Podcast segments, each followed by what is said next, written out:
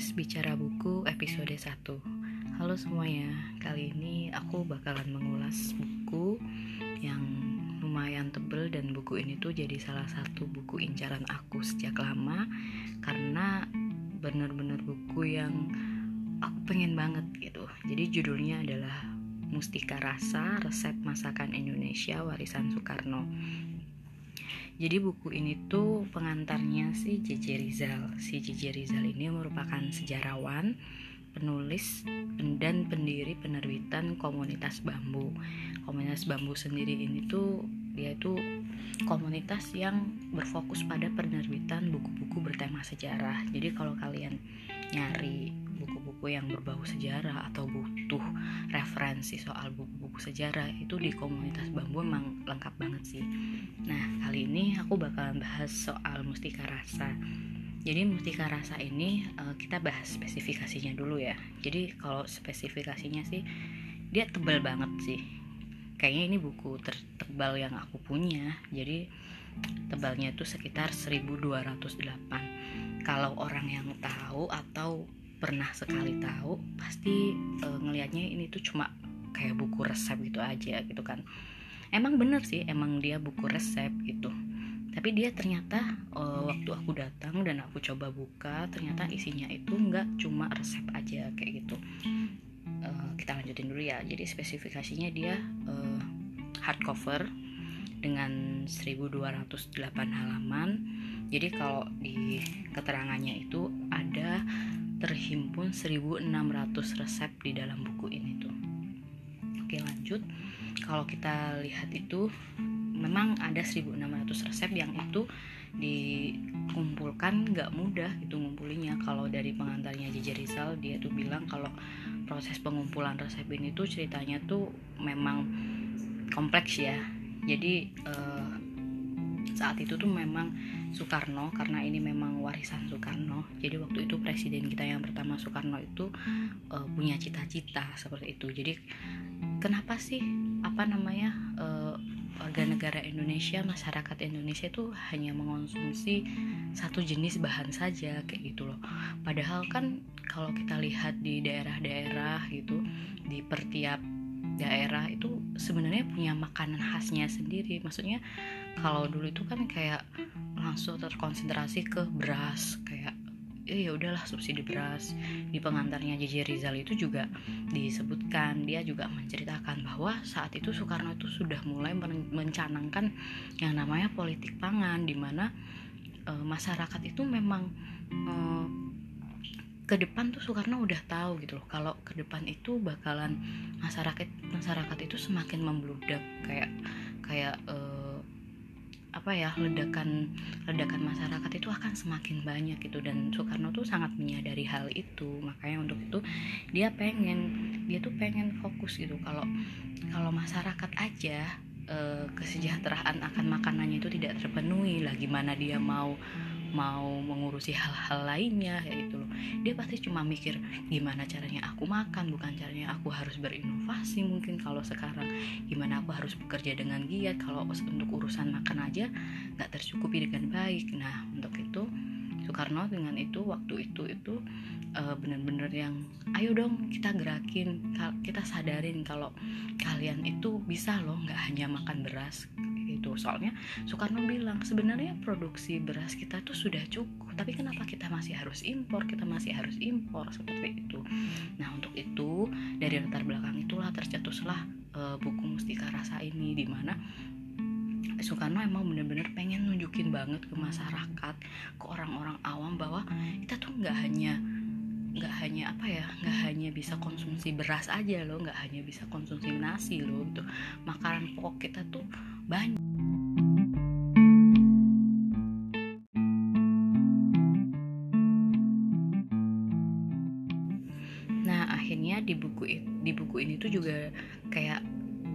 dibukain sedikit cerita gitu. Kalau kalau di orang Jawa sih bilangnya kalau kita nyebut nasi itu kan sego kan. Sego yang itu tuh uh, kalau di telisik lagi tuh asal mula katanya juga dari sega gitu kan. Sega yang bisa kalau diruntut lagi tuh sampai berakhir di sagu gitu. Jadi memang sebenarnya kita tuh kayak punya bahan makanan pokok lain gitu loh selain beras dan itu menurut aku sangat visioner banget gitu. Gimana di tahun di tahun yang masih apa ya kayak informasi pun tuh mungkin nggak sederas sekarang gitu kan.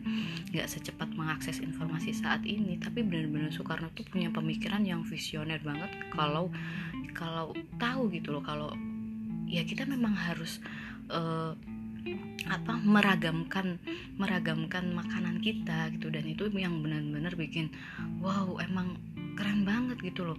Jadi kayak sekarang pun kita kan juga digalakan kan kalau ayo karbohidrat tidak hanya dari beras di karbohidrat tidak hanya dari nasi tapi bisa dari bahan-bahan lokal yang kita punya kayak dari nasi dari singkong dari umbi-umbian itu tuh kayak benar-benar visioner gitu.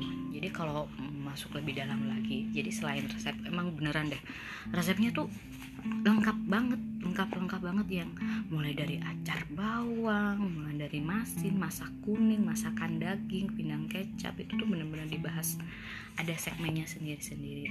Nah tadi kan aku sudah sempat nyinggung ya jadi selain resep tuh ada apa lagi sih di buku ini?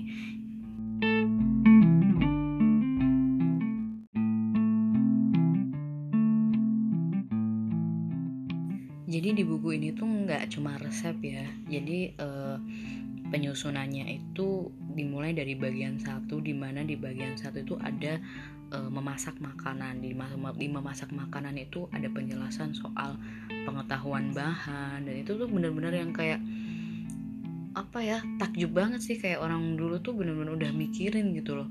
Pengetahuan bahan itu memang penting dalam memasak itu karena kita nggak mungkin dong misalkan pakai uh, apa namanya bawang yang bawangnya itu udah layu dan itu udah kering itu kan nggak mungkin. Jadi bener-bener dikasih tahu gitu loh tentang pengetahuan bahannya. Bahkan sampai di kimia bahan makanan tersebut itu tuh yang bikin kayak kayaknya nggak ada deh buku selengkap ini bener-bener yang yang lebih menarik lagi tuh karena ini tuh bahan-bahan lokal punya gitu kan. Bahan-bahan yang Indonesia punya banget. Jadi kayak pengenalan bahan itu emang penting banget sih dalam suatu apa e, rencana untuk memasak gitu. Kemudian di bahan di bagian kedua itu diterangin soal e, ini udah mulai masuk resep sih sebenarnya di bagian kedua itu. Tapi dia disegmentasi kayak di bagian kedua itu soal makanan utama. Kemudian di bagian ketiga itu soal lauk pauk basah berkuah kayak gitu.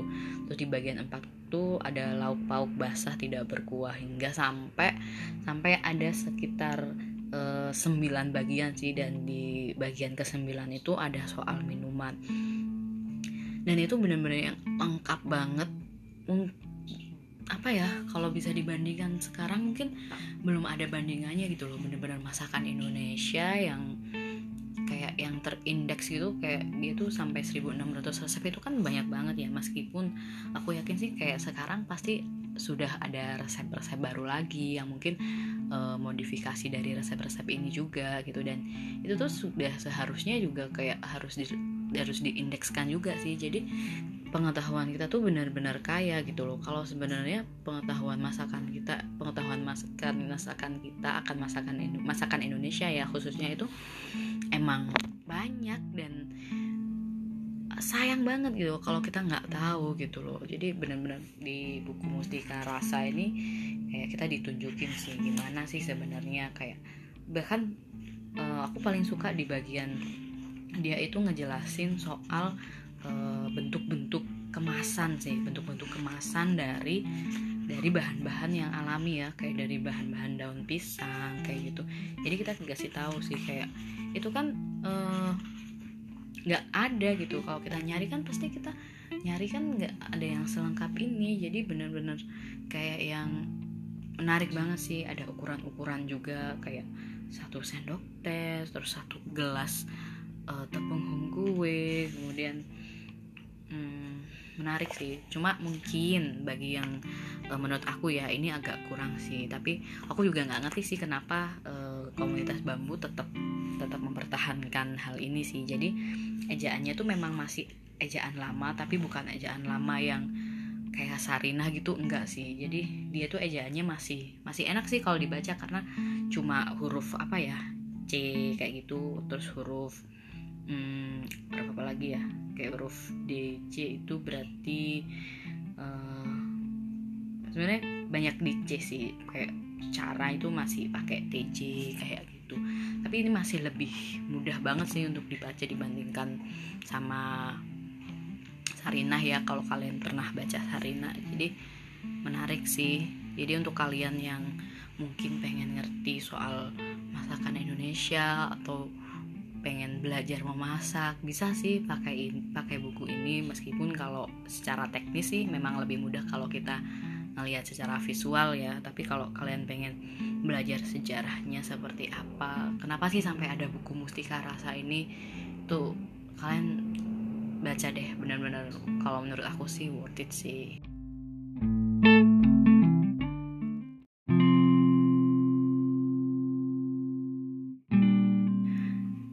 Jadi itu tadi ulasan aku soal buku Mustika Rasa, resep masakan Indonesia warisan Soekarno.